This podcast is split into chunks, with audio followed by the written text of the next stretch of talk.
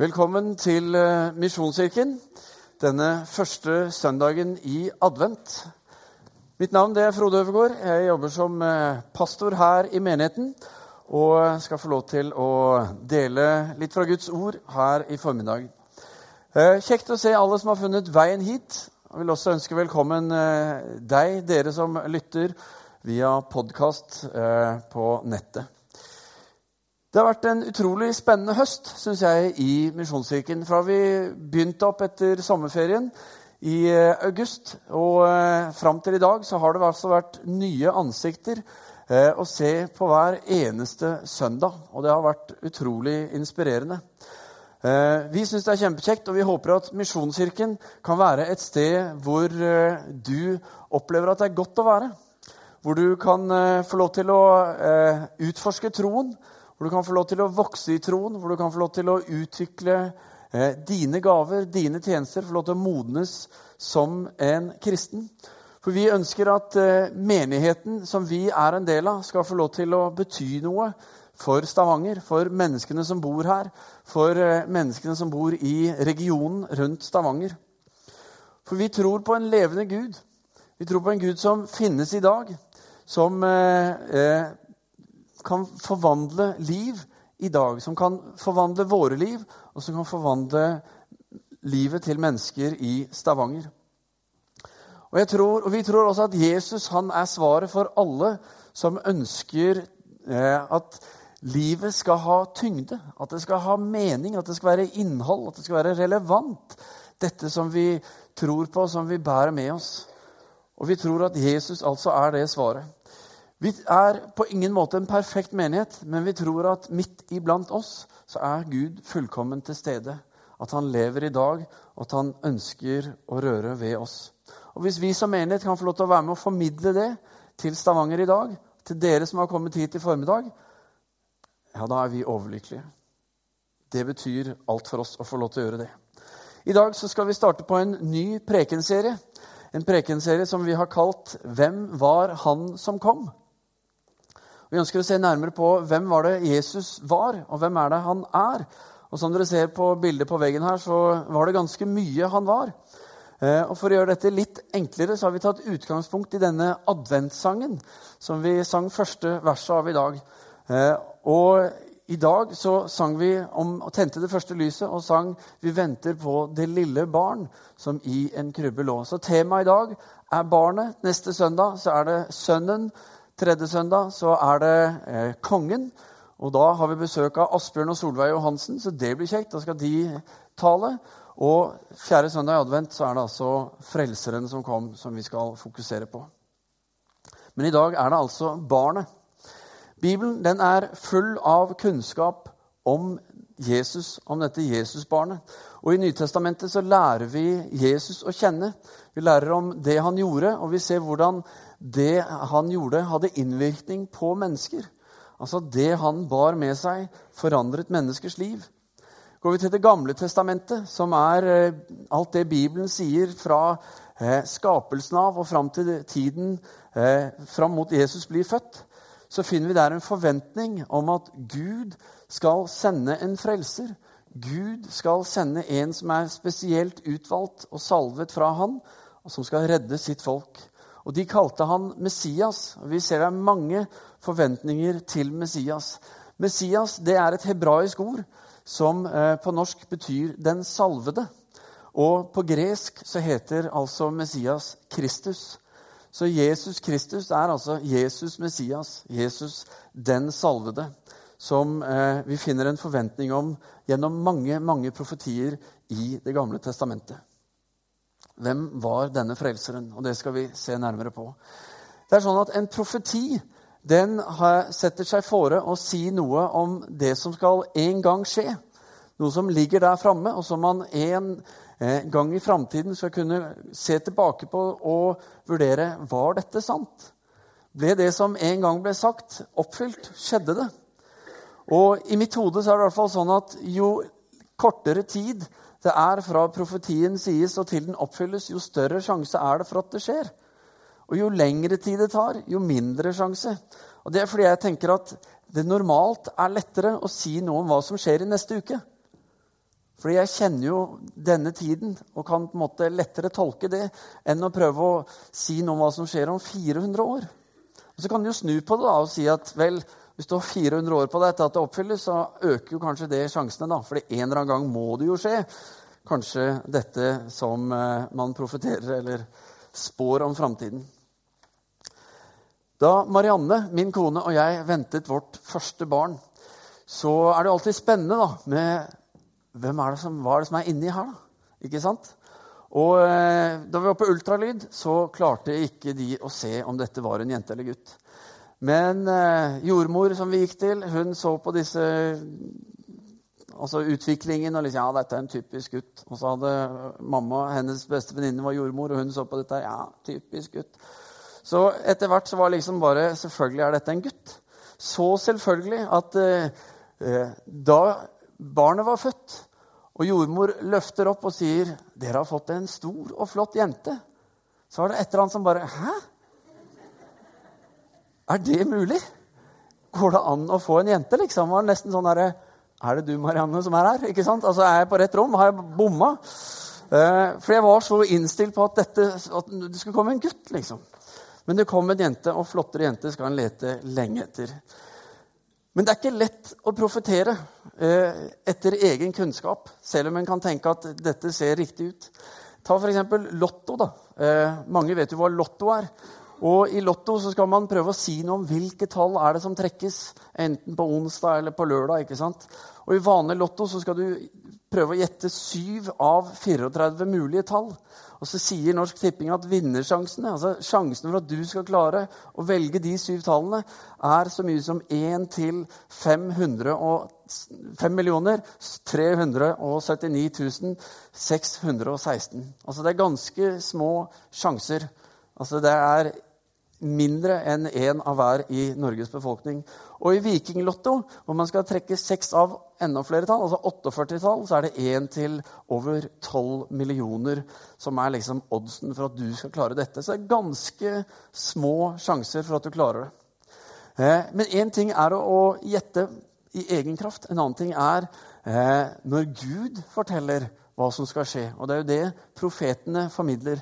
For Gud taler til profetene, og så formidler de det Gud har vist dem. Og det endrer på noe. Vi skal se på noen av de.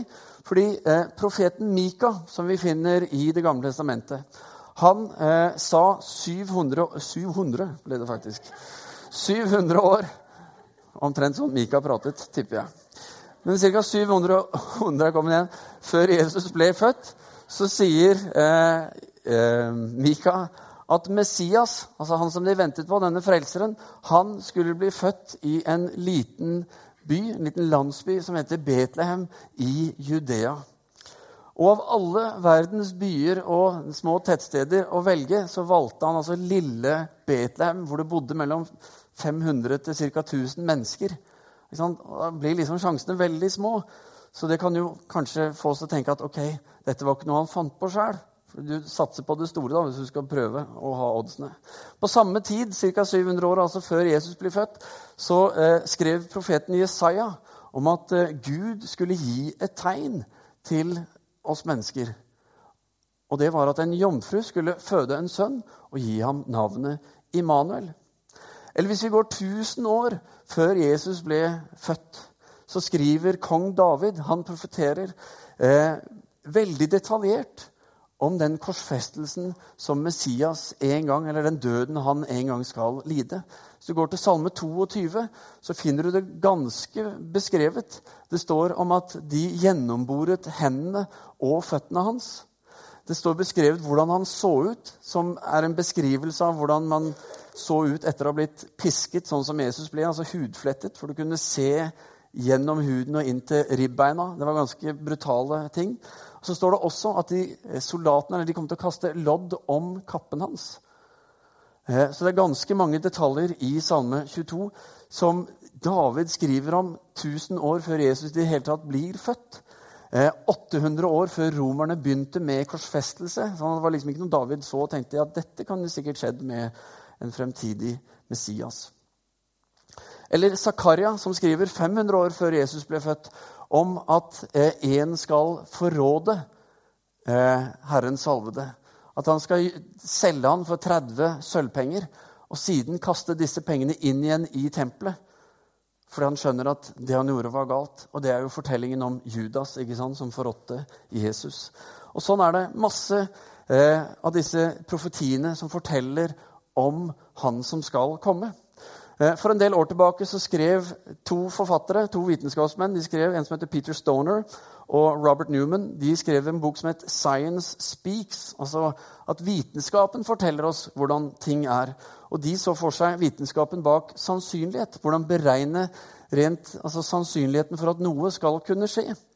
Og En av oppgavene de ga seg selv, det var å regne ut sannsynligheten for at hvilket som helst, altså et menneske skal kunne oppfylle åtte av profetiene som handler om Messias. Eh, bare for å si, Det er 60 hovedprofetier som er underbygget av 270 delprofetier, altså som sier noe deler av de hovedprofetiene. Så altså over ca. 340 profetier i Det gamle testamentet som peker fram mot denne Messias, som, dette barnet som skulle komme. Og eh, de skal regne ut hva er sannsynligheten for at én person kan oppfylle åtte av disse alle profetiene som er skrevet for hånd over en periode på 1500 år, men som eh, omhandler en enda lengre eh, historie pga. en muntlig tradisjon som var før det. Og sannsynligheten for dette er altså dette tallet her. Her er det 17 nuller. Er det noen som vet hva det tallet er? Som pleier å operere med sånne tall i hverdagen? Det tallet heter én av 100 billiarder. Og bare for å avklare når jeg sier billiarder, så er det ikke snakk om 100 som spiller biljard, altså. Ikke sant? Bare så vi har det på det rene. Men det er et kjempedigert tall. 100 billiarder. Men eh, Stoner og Newman, for å illustrere hvor usannsynlig dette var, så sa de at hvis du tar staten Texas, en av alle disse statene i USA, eh, som er nesten dobbelt så stort som Norge i areal. Du tar den, og så dekker du, bare heller ut over den, 100 billiarder mynter. Disse 25-centsmyntene som amerikanerne har. Quarters, som de heter. En mynt som er litt mindre enn vår norske femkroning. Ca. 1,74 mm mindre i diameter og 0,25 mm mindre i tykkelse. Eh, for de som var her forrige søndag, så vil jeg bare ikke, som andre har gjort, eh, skryte av researchen jeg har gjort. Eh, men hvis du tar alle disse 100 milliardene med mynter og heller utover Texas, så vil det dekke ca. to fots høyde, sier de, altså ca. 60 cm med, hele Texas med disse myntene. Og så tar du én av alle disse myntene, og så tegner du et grønt kryss på den. Du merker den som skiller seg ut fra alle de andre. Og så tar du en blind mann, begynner i Dallas, som er ca. midt i staten, og så sier du nå kan du gå hvor du vil. Og så skal du finne én mynt. Og så skal det være den ene mynten som vi har merka med det grønne krysset. Så stor sannsynlighet var det for at én person skulle kunne oppfylle bare åtte av alle disse profetiene. Og da tenker jeg Det betyr jo at spørsmålet om hvem var han som kom, det er et utrolig interessant spørsmål. Hvis det er så usannsynlig, det Bibelen viser oss, nemlig at Jesus oppfyller alle disse profetiene Det må altså være noe mer med han. Noe mer med dette barnet som blir født i Betlehem. Og med de oddsene så tenker jeg, da øker sjansene for at dette er ikke bare en sånn Ola Nordmann eller eh, Jakob Jøde, går det an å si det? Vet ikke om de sier det, men i hvert fall altså en vanlig hvem som helst som bare fant på å komme inn og gjorde alt dette. Men det øker sjansene, tenker jeg, for at eh, det er Gud som har steget ned og blitt en av oss. Og så begynner det med dette barnet som blir født i en liten landsby i Israel. Uten husly, men i en stall liggende i en krybbe, som var altså matfatet som dyrene hadde i stallen. Og så begynner det så fattigslig og så enkelt fordi det handler om deg og meg. Det handler ikke om Jesus først og fremst. Hvis det handlet om Jesus, så burde han jo vært født inn i det flotteste palass med alt gull og glitter, fordi så stor er Gud at han fortjener absolutt det beste av alt som er. Men han kom ikke for å bli studd inn i et palass og for å komme ut og vinke en gang i året til oss, liksom. For at vi alle skulle tenke at det var han det handlet om. Men han kom fordi i hans hjerte var det deg og meg det handlet om. Og Derfor ble han som en av oss. Han ble Immanuel, Gud med oss, midt iblant oss. Fordi det handler om oss. Gud ble menneske. Han ble alt det vi er, for at vi skulle kunne bli alt det han er, sier Duncan Smith, som jeg syns er en flott formulering. Tenkte jeg vi skulle se litt på fødselsattesten til Jesus i dag. Og Vi begynner med navnet hans.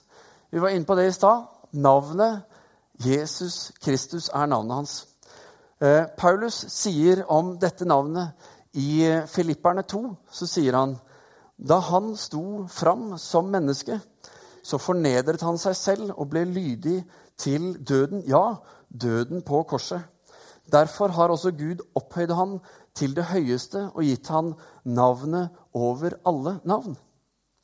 Etter at Jesus for opp til himmelen, så møter vi i Apostlenes gjerninger 3 så møter vi Peter og Johannes som går på vei inn i Jerusalem, inn gjennom fagerporten. og Der sitter en eh, lam mann og tigger, som han alltid har gjort. Og så prøver han å få eh, Peter og Johannes til å gi han en, en, liten mynt. ikke sant? Men da sier Peter til han, 'Gull eller sølv, det har jeg ikke.' 'Men det jeg har med meg, det jeg har, det vil jeg gi deg.' I Jesu Kristi Nazarerens navn, reis deg og gå. Og når denne mannen hørte dette navnet, så forteller historien oss videre at han reiser seg. Og så begynner han å gå. Og så begynner han helt sikkert å løpe og danse. Det sto at han gjorde òg. Han hopper og jubler. Han bruker bena for første gang i sitt liv fordi han hørte Jesu Kristi navn. Og Går vi litt lenger ut, i kapittel 16 i Apostlenes gjerninger, så ser vi at Paulus han eh, møter på en kvinne som var besatt. Og hvor han sier til henne jeg befaler, Han sier til ånden som er i henne, jeg befaler deg i Jesu Kristi navn, far ut av henne. Og den forlot henne på timen. Så det er altså litt av et navn som dette barnet fikk, og som er Jesus Kristus. Da jeg var ungdomspastor i Drammen, i Misjonskirka der, så reiste jeg hele veien til Stavanger på en ungdomslederkonferanse i Misjonskirken her i dette lokalet. Jeg hadde med meg noen av mine ledere. Eh, og Det som skjedde på flyturen over, var at eh, mest sannsynlig så sprengte trommehinna til hun ene lederen jeg hadde med meg. Hun var i fryktelig smerte. Og Vi prøvde å fòre henne med det vi hadde av godsaker, altså tabletter og sånn, for å prøve å stagge dette. Vi var ikke helt sikre på om det var det. Men det gjorde vondt, og hun satt med tårer og var Og Så håpte vi at natten skulle gå og det skulle hjelpe, men det gjorde ikke det. Så neste morgen så skjønte vi at dette blir ikke bedre. Og da eh, var det en som heter Vidar fra Kristiansand, og jeg vi sa vi må be for henne skikkelig. Vi hadde bedt litt sånn, Gud, må du hjelpe, ikke sant? Men nå tenkte vi nei, nå må vi inn og be ordentlig. Og så eh, satte vi oss inn på det som er det gamle speiderrommet, som nå er en del av søndagsskolerommet nede. Og så ba vi i Jesu navn om at hun skulle bli frisk.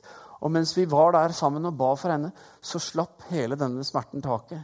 Og så kunne hun gå opp og sitte gjennom resten av denne ungdomskonferansen eh, og smile og glede seg over det som hadde skjedd. Og når hun var hos legen når hun kom tilbake og fortalte om hva som hadde skjedd, og legen kikka inn, så sa han vel det ser ut sa han, som at du har hatt en skade på trommehinnen, men at det nå er bra. Og det forteller meg om at også i dag er det kraft i dette navnet. Ser vi på barnets fødsel, så er det ikke en hvilken som helst dato som dette barnet blir født på. Fordi denne fødselen har satt et skille i hele verdenshistorien. Eh, nå har vi det som heter før Kristus, og vi har det som heter etter Kristus. Egentlig så heter det ikke etter Kristus, men det heter som du ser på veggen her, anno domini, som betyr eh, i Herrens år. Og han ble født i det som var Herrens år. Og i dag er det år 2000, altså det Herrens år 2015 heter det egentlig opprinnelig. Eh, Men at denne datoen som han ble født, også var den rette, det bekrefter også Paulus når vi leser i Galaterne 4. For han sier at Men i tidens fylde sendte Gud sin sønn, født av en kvinne, født under loven. Altså født akkurat som oss, under de samme kår, men ble født i tidens fylde. Som er en måte å si i den rette tid, når dette var liksom Bang! Kunne ikke vært bedre. Da ble han født. Eh, for deg som er ekstra interessert i profetiene Daniel i Det gamle testamentet. I kapittel 9 hos han så eh, profeterer han når Messias skal komme, altså når han skal gjøre sin entré og vise seg. Og hvis du regner ut eh, det som står i Daniel 9, så kommer du fram til eh, Sier de som har regna på det. Det har ikke jeg. Jeg har gjort mye research til denne, men jeg har ikke tatt det regnestykket. Jeg har sett sånn cirka hvordan det fungerer. Litt for komplisert å ta det her. Men da sier de at da kommer du fram til 9. april år 32. Som man også regner er den dagen hvor Jesus red inn i Jerusalem på eselet. Den dagen vi kaller palmesøndag. Den første dagen hvor Jesus eh, tillot at de offentlig hyllet han som konge at han ble sett på som den Messias som han var. Fordi Før det så hadde han sagt Hysj, ikke si dette til noen. For han visste at det ville bli oppstyr, og det ble det. Fem dager etterpå så ble han ført mot korset.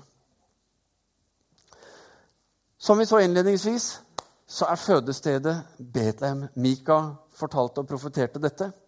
Men Betlehem det består av to ord. Bet-lehem, som betyr brødhuset.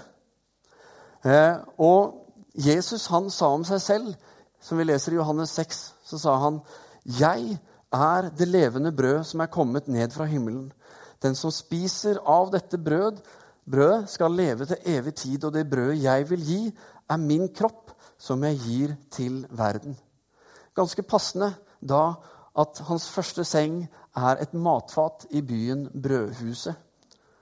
Og at han, som det siste han gjorde sammen med disiplene før han ble korsfestet, da han satt og de hadde det siste måltidet, og de hadde spist, så tar han et brød, og så takker han, og så bryter han det opp, og så deler han og gir brød til alle disiplene. Og så sa han, 'Dette brødet, dette er mitt legeme, dette er min kropp.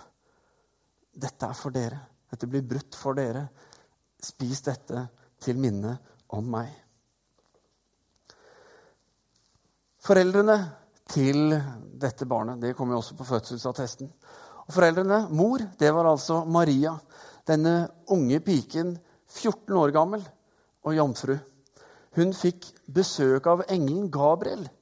Og sist gang, altså gangen før hvor Gabriel dukker opp, det er 600 år før, rundt om Daniels tid. Eh, og det forteller at ok, når du skal formidle av at ok, Gud blir menneske. Da sender du ikke bare en hvilken som helst engel, men du sender Gabriel. Han derre storengelen. For dette her skal det liksom være tyngde i det som kommer. Og Gabriel sier til Maria at hun skal bli gravid, og at det er Gud som er barnets far. At Gud blir menneske gjennom det som skjer med Maria. At Gud tar bolig midt iblant oss. At han tar del i vår hverdag, i våre utfordringer, våre gleder, og at han viser oss hvem Gud er i møte med oss, med deg og meg. Fordi i Jesus så lærer vi hvordan Gud ser på oss, hvordan han møter oss, og hvorfor du og jeg kan være frimodige i møte med den allmektige Gud.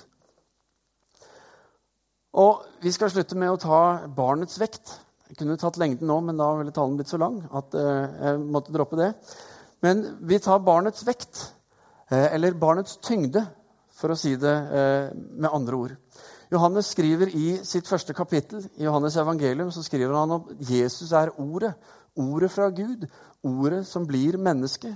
Og i vers 14 i dette kapittelet så sier han og ordet ble menneske og tok bolig iblant oss, og vi så hans herlighet en herlighet som den enbårne sønn har fra sin far, full av nåde og sannhet.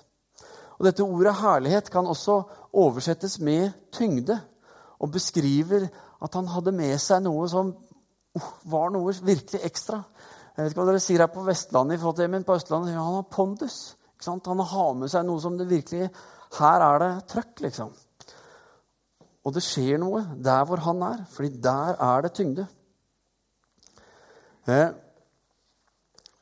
tilbake i ca. 2006 så satt vi i menighetsrådet og så jobbet vi med et menighetsplantingsprosjekt ute på Ljåsund. Og Vi så at vi hadde en tomt, og at vi hadde mulighet til å bygge.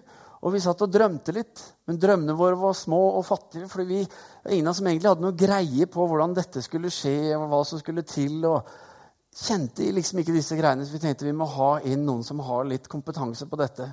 Så tenkte vi, Hvem i menigheten er det? Så tenkte Jo, Egil Tungland. Han må vi eh, invitere inn på menighetsrådet. Og vi snakka med Egil, og Egil kom. Og du snakker om dag og natt, altså. For det, Egil han har jobbet med eiendom og med utvikling og vært med i hele St. Olav-prosjektet bak her, blant annet. Han, når han kommer inn, så bare ser han alt med helt andre øyne. Han har helt andre ideer, helt andre løsninger. Han har så mye kontakter. liksom. Jeg bare snakker med han, og nei, det er de som gjør det, og sånn gjør det. ikke sant? Bom, bom, bom, bom. Og vi var sånn Wow! Så kult! Ikke sant? Plutselig var det kjempegøy å være på menighetsrådsmøte. ikke sant? Ikke at det alltid var kjedelig. Men det er ikke alltid du går hjem og bare 'I dag var det gøy!' ikke sant? For det kommer inn en som bare har tyngde og vet hva han står i. ikke sant? Og så bare smitter det over og bare gir en sånn begeistring over det man er med på. Og så, Fordi han hadde det, og vi hadde han iblant oss, så fikk vi også del i denne tyngden. Jesus han kom for å gi oss av sin herlighet, gi oss av sin tyngde, av hvem han var. Johannes sier det eh, i eh, vers 16 i kapittel 1, som vi akkurat leste. Han sier at av hans fylde har vi alle fått nåde over nåde. Så ved Guds nåde så får vi del i alt dette. Ikke pga. hvem vi er, men pga. hvem han er. Og Gud ble menneske. Han kom som dette barnet og tok bolig midt iblant oss. Og så dette sitatet som jeg hadde i stad, fra Duncan Smith. Gud ble alt det vi er, for at vi skulle bli alt det han er. Dette barnet i krybben er Guds tegn til oss. Tegn til oss om at vi skal få lov til å bli eller få del i det han er, få del i det fellesskapet, det fullkomne fellesskapet med Gud som vi får gjennom Jesus. Det er det dette barnet handler om gjennom barnet som var Guds sønn, som var konge, og som mer enn noe ønsker at du og jeg skal få lov til å ta han imot og erfare han som frelser i våre liv. Og Det som står igjen for oss i møte med barnet, er hvilken del ønsker vi at dette barnet, eller det Gud har gjort for oss gjennom dette barnet, hvilken del skal dette ha i våre liv, i mitt liv? Ønsker jeg å bli berørt fra tid til annen over det flotte Gud har gjort? Eller ønsker jeg i hverdagen hver eneste dag å få lov til å leve i den tyngden av hvem Gud er? Få lov til å være sammen med Han og bare kjenne på Yes, det er bra. Dette er stort. Vi får lov til å oppleve det som Bibelen snakker om. Vil jeg bevare en eller annen tradisjonell holdning til Gud og Jesus? For det er sånn vi gjør det i Norge. Det er dette som er trygt, det er dette som er vanlig. Ikke kom og begynne å bråke med at vi skal eh, overgi oss så mye mer og alt dette her. ikke sant? Det er bra sånn det er. Eller er det noe med denne overgivelsen? For det handler ikke om hva du og jeg får til, hvor flinke vi er. Men det handler om å overgi seg og si, 'Vet du hva? Jeg klarer ikke dette alene. Jeg må hente inn noen som har kompetanse her.' Er det noen som har kompetanse på livet, ja, så er det Gud selv som ble menneske, og som viste oss hvem han var. Og jeg tror vi alle vet hvordan det er når noe mangler tyngde. Når ting er litt sånn pistrete og dårlig, og 'nei, dette var ikke bra'. Og så har vi også en opplevelse av hva det vil si når det er tyngde i noe. altså Når det virkelig er bra. Og Gud har det beste for oss. Og jeg tror vi alle trenger mer tyngde i våre liv fra Gud. Så er det sånn at vi lever i kanskje verdens mest sekulariserte land. Og Samtidig så er dette et land som er så proppfullt av kirker at du skulle nesten tro det var flere kirker per innbygger i Norge enn noe annet land i verden. ikke sant? Så har vi disse to sannhetene. Vi er verdens mest sekulariserte land og kanskje verdens mest tettbygde kirkeland ikke sant? på én og samme tid. Og Det kan synes som at det tradisjonelle, den litt sånn derre Ja, en kirke på søndag og litt altså, og Nå karikerer jeg litt. Men at det å bare ha Gud sånn litt med, at ikke det er nok. At ikke det er det som forandrer verden. Og kanskje er det på tide for oss i møte med dette barnet å ta det enda mer på alvor. Som ikke handler om at jeg må bli flinkere, som bare handler om at jeg må innse at jeg trenger deg, Gud. Jeg trenger at du kommer. Og så at vi kan prøve å være all in. At vi kan prøve å gi oss til dette barnet. Gi oss til denne frelseren. Og så kan det begynne i dag, om vi vil det. Og Det var ingen av oss i menighetsrådet som ble som Egil Tungland etter det første møtet. Ikke sant? Selv om det hadde vært veldig spennende. Men vi fikk, vite, vi fikk plutselig mye mer innafor. Om ikke vi kunne alt, så hadde vi en helt annen tro på det vi sto i. På samme måte er det med Jesus. Du, pang, Det er ikke sånn at alt blir med en gang. Men vi får leve i, og vi får del i, og vokse mer og mer til å bli akkurat slik han var. Så la oss slutte å late som at juleevangeliet er en, et eventyr. En koselig historie som passer inn i en mørk tid, og hvor vi gjør alle disse koselige tingene rundt og tenner lys. Men la oss utfordres av dette barnet. Ta det på alvor. Og se at det Jesus kom for å gjøre, det var for at vi skulle få lov til å Som han ble alt det vi er, så skulle vi få lov til å bli alt det han er. Og det skal vi snakke videre om neste søndag. Skal vi be. Kjære himmelske Far, jeg takker og priser deg, Herre, for at eh, det er du som kommer oss i møte. Det handler ikke om hva vi har fått til, det handler ikke om våre bestrebelser, vår kunnskap. Men det handler om at eh, du, Herre, har lagt alt til rette. Du har eh, kommet og blitt som en av oss. Så har du tatt del i alt det som vi møter. Du har ikke bare erfart hva synden er, men du har blitt gjort til synd, sier Bibelen. Herre, takk for at eh, pga. at du sendte Jesus, pga. dette barnet, det flotte evangeliet som begynner i, i, en stall, i en krybbe, Herre, så får vi lov, Herre, til å få del i det som du gjør, Herre. Ønsker du å være en del av vår hverdag, en del av vårt liv, Herre? Der hvor vi er, Herre, enten vi sover i sengen eller sitter på bussen eller spiser på kafé eller sitter på kontoret eller er ute på torvet eller sitter på skolebenken eller er på ferie eller hvor det måtte være, Herre, så kan vi få lov til å bære med oss en tyngde, en tro og en visshet og en fylde fra deg, Herre, som forandrer våre liv, og som også har kraft, Herre, til å forvandle andres liv, Herre. Og takk, Herre, for at det livet, det er interessant, det er relevant. Vi ser det i Bibelen her at mennesker fulgte Jesus, og de kom til ham der hvor han var. Herre, hjelp oss å få lov til å bli en menighet som synliggjør Jesus. Som gjør at mennesker trekkes til ham fordi vi har valgt å bli trukket til ham, Herre. Kom du, Herre. La din vilje skje, Herre. Tal til oss. Rør ved oss. Kall oss i formiddag, Herre. Vi bare være stille litt, og så kan du få lov å formulere din egen bønn til Gud. Og formulere den, enten du syns det er vanskelig, eller du har lyst til å si ja, Gud, jeg har lyst til å gå all in, eller hvordan du nå vil formulere det. Men la det handle om deg og Gud, og la det være sant og ekte. Ikke teologisk rett eller noe, men bare tal fra ditt hjerte til Gud. Inviter han inn. Og la ham få lov til å møte deg i formiddag.